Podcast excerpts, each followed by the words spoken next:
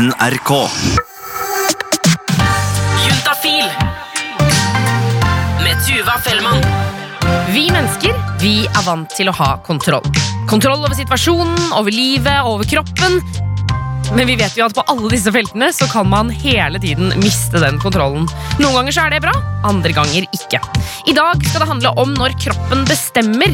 Når den tar avgjørelser og setter i gang handlinger uten at hodet er med. Blant annet skal du få treffe Jørgen, som etter en motorsykkelulykke for noen år siden ble lam fra livet og ned. Vi lurer jo da på hvordan blir det med sex?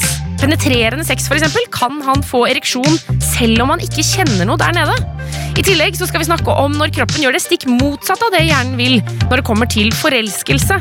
Men aller først så skal vi begynne med det mange vil definere som en pinlig samtale. Velkommen til Juntafil. Jeg heter Tuva Fellmann.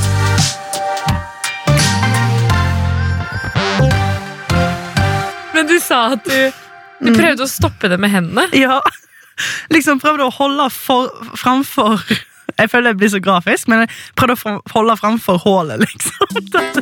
Noen hendelser i livet er så pinlige at den beste måten å takle det på, det er med humor. Og denne dama her, hun er god på det. Eh, Jeg heter Martha. Jeg er 24 år gammel. Kommer fra Stord. Er ei livlig jente. Hva betyr livlig jente? Ja, det betyr uh, seksuell aktiv.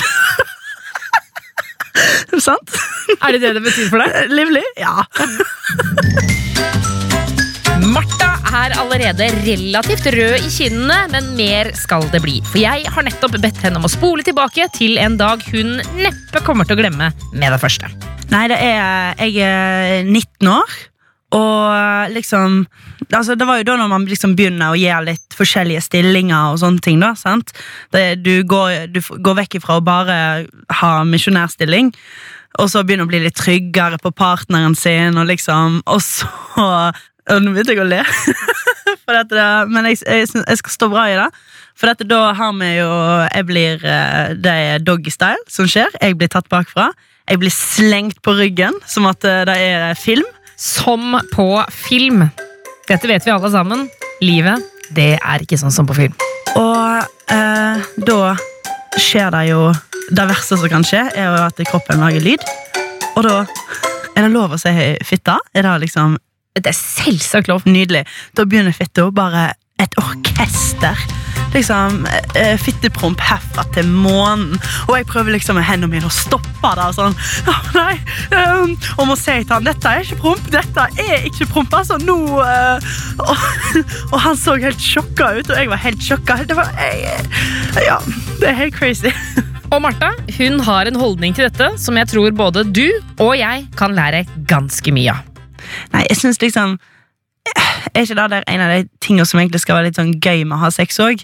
Fordi at eh, hvor Altså, når du er så nær noen, så det skal ikke være sånn som det er på film. sant? Det er jo, dette her, det er jo kropp, og du kan, dette er sånne ting du bare ikke kan kontrollere. da. Eh, du skulle jo ønske du kunne det, men nei, sånn er det ikke. Eh, det er realistisk og hardt. Så bare Masse, masse, masse luft. Og det, må jo skje òg, for det kommer jo så masse luft inn. Så det må jo gå ut en plass. Det er ikke sånn at kroppen bare sånn Masse luft. Dette skal jeg ta vare på. Nei, nei, nei. nei det er Det hadde vært mye gøyere hvis jeg lagt den type lyd, men det gjør det ikke. Det er liksom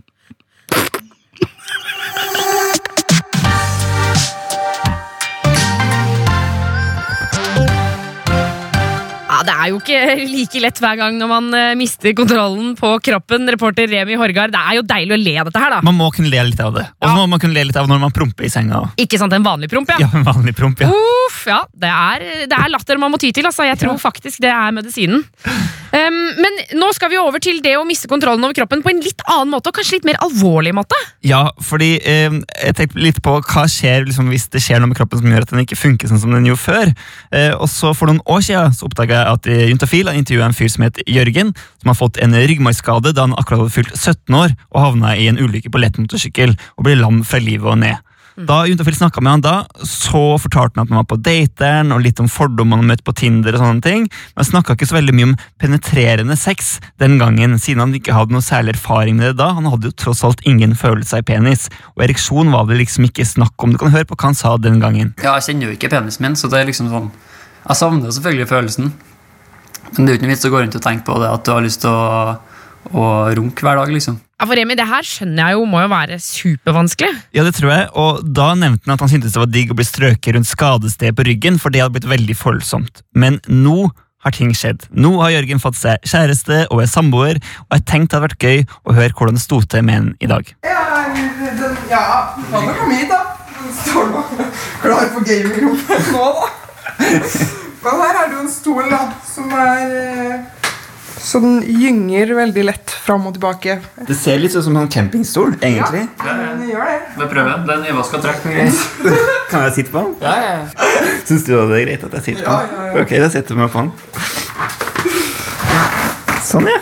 ja.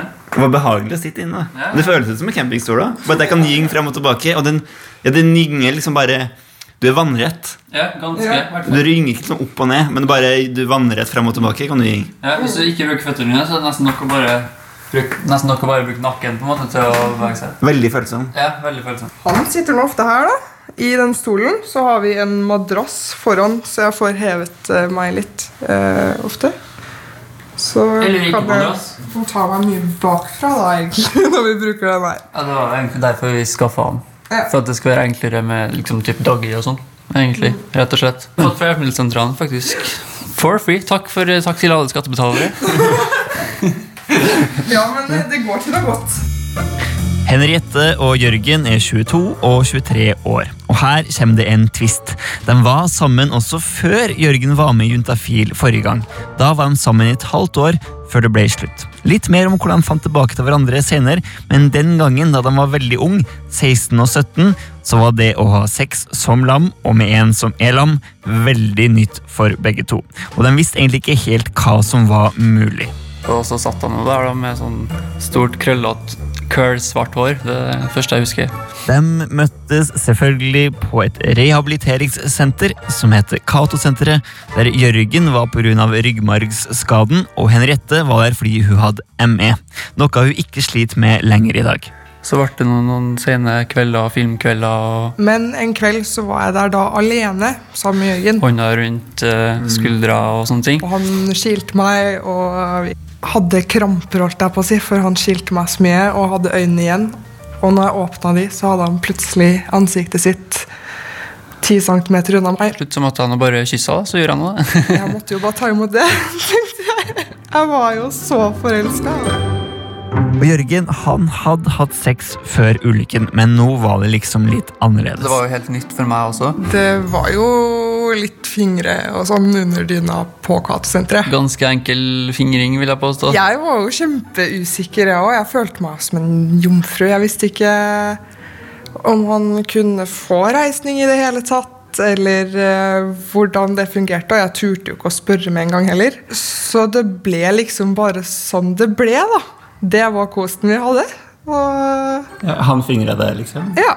Fingra meg og slikka meg. Og ja, jeg følte jo at jeg ikke fikk gitt nok tilbake. Så jeg var jo alltid sånn at jeg begynte å si takk, liksom.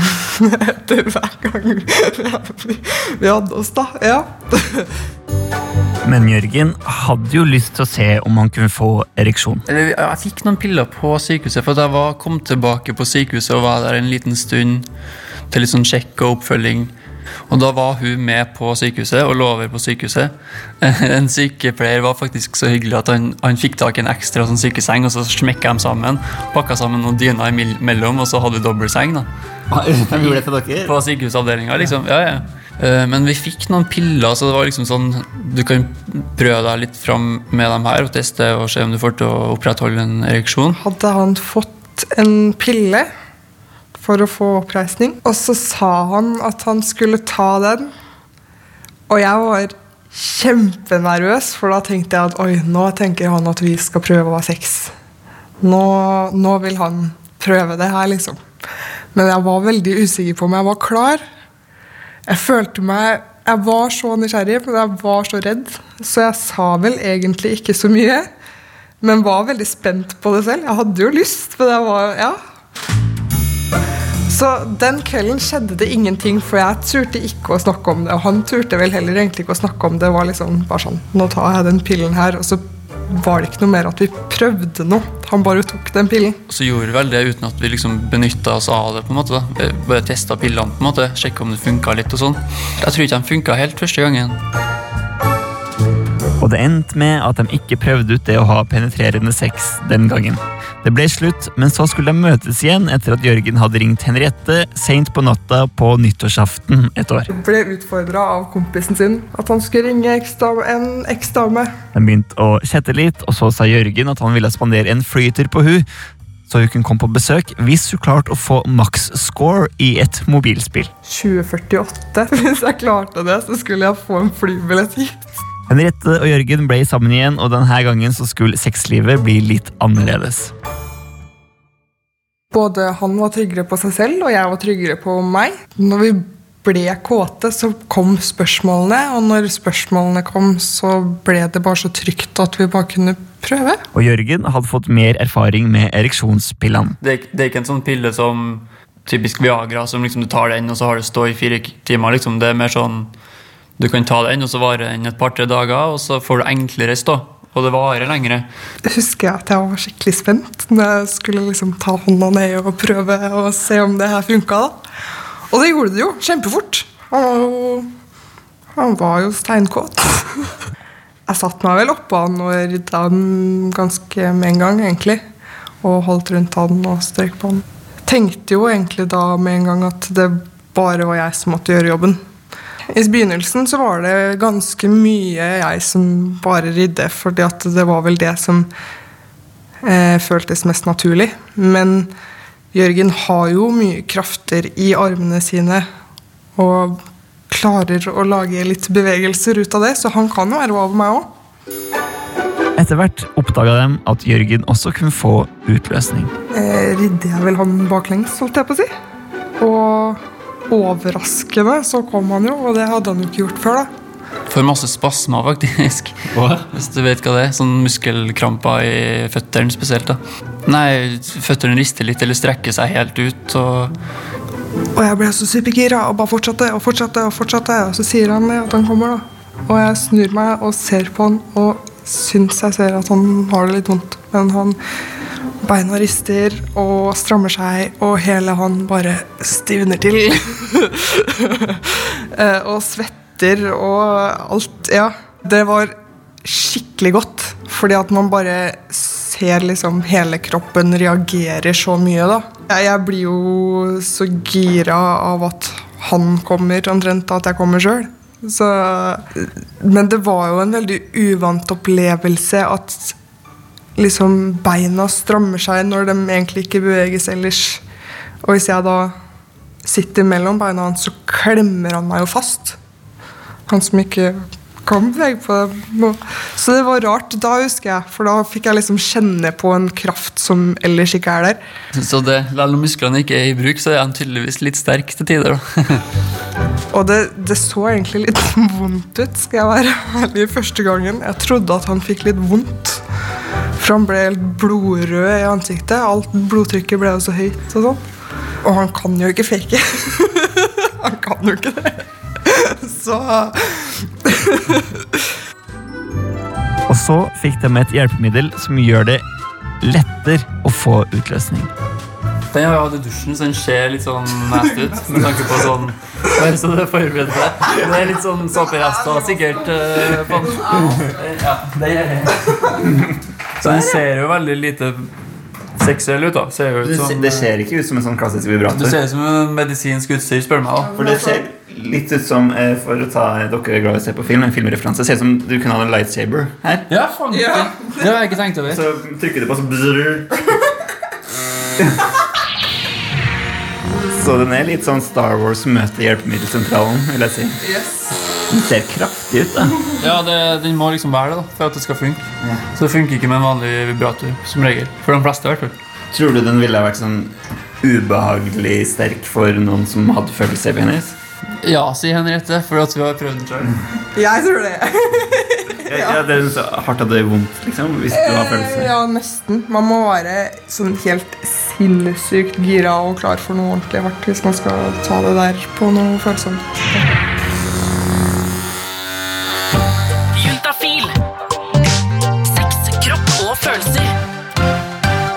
Og det her blir jeg altså så glad av å høre. Ja, Åh, fy fader, jeg får, jeg får helt sånn lykkefølelse i kroppen. jeg.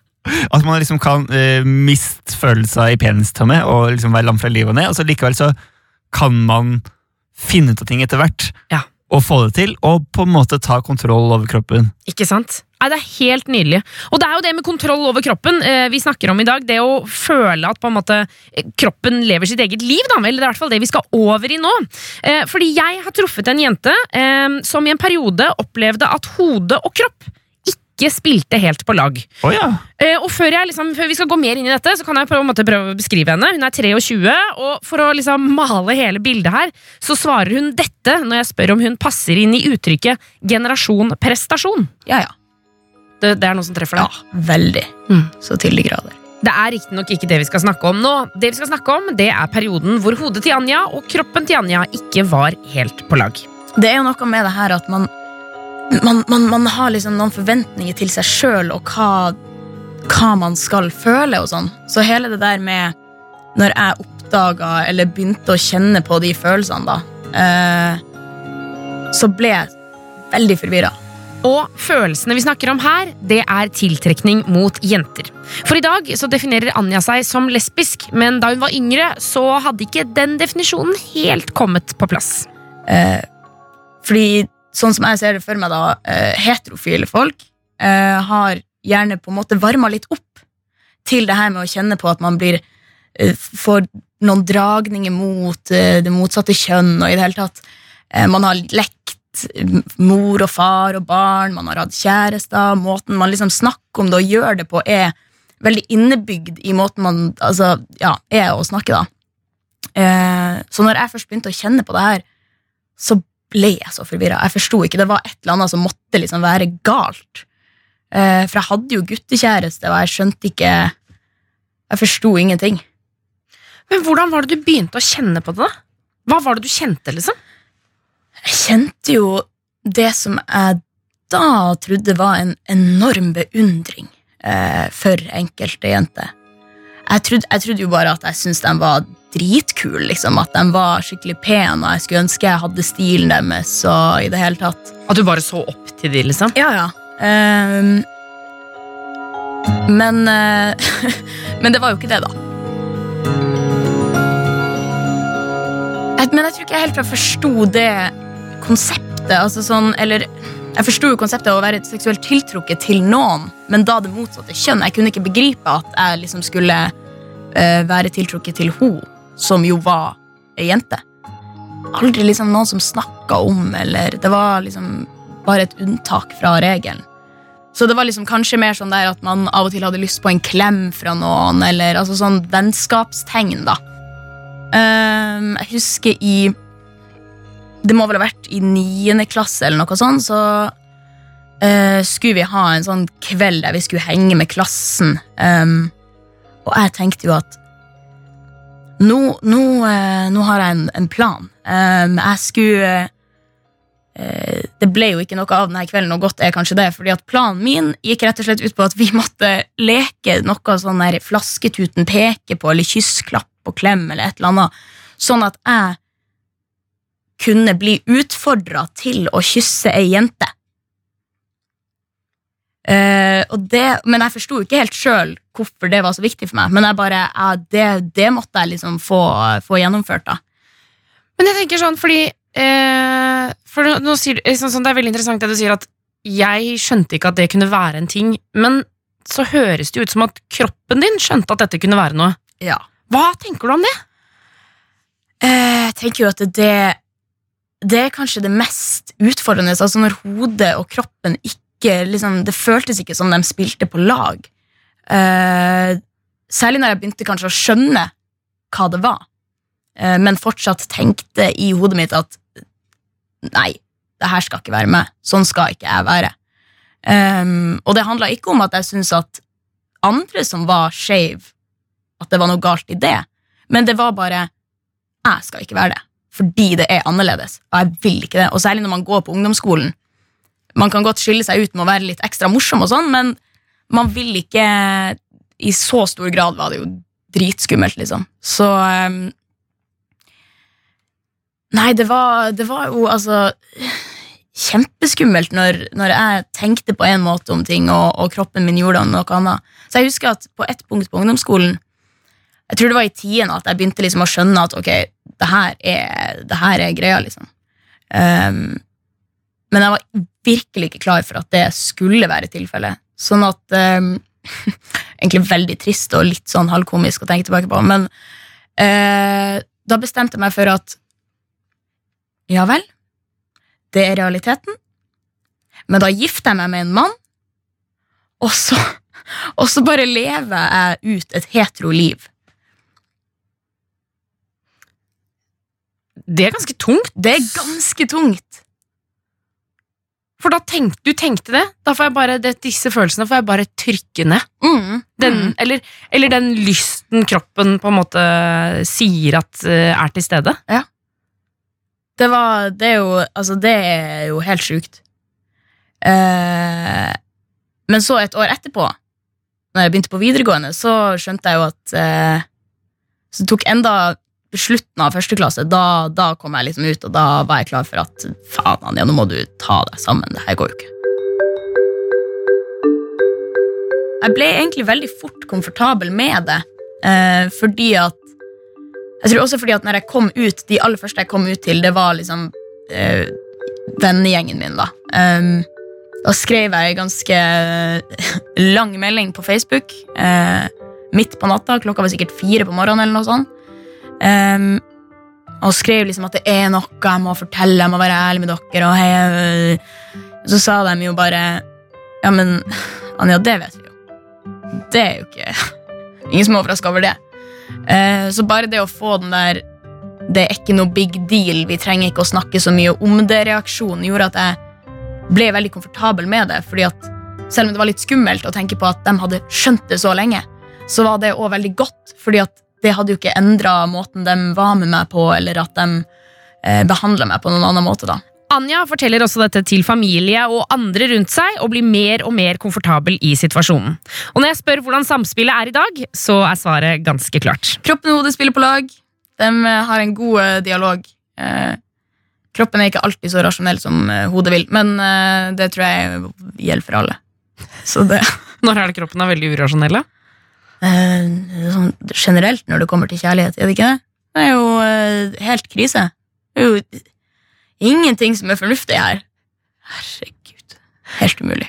Men det er deilig, da. Da, er det ikke bare, da har vi det sånn alle sammen. Ja, Hvis nå jeg føler på det, og du føler på det, da kan vi gjette på at resten også føler på det. det tror jeg Så. er riktig. Så kroppen og hodet kan spille på lag ganske mye. Ja. Du har for hatt en periode hvor de ikke har spilt på lag, Mm. Men nå spiller de på lag sånn cirka. Sånn cirka. Og jeg tror det er det beste vi kan få til. Det tror jeg også. Juntafil. Hør flere episoder i appen NRK Radio. Eller der du hører podkaster.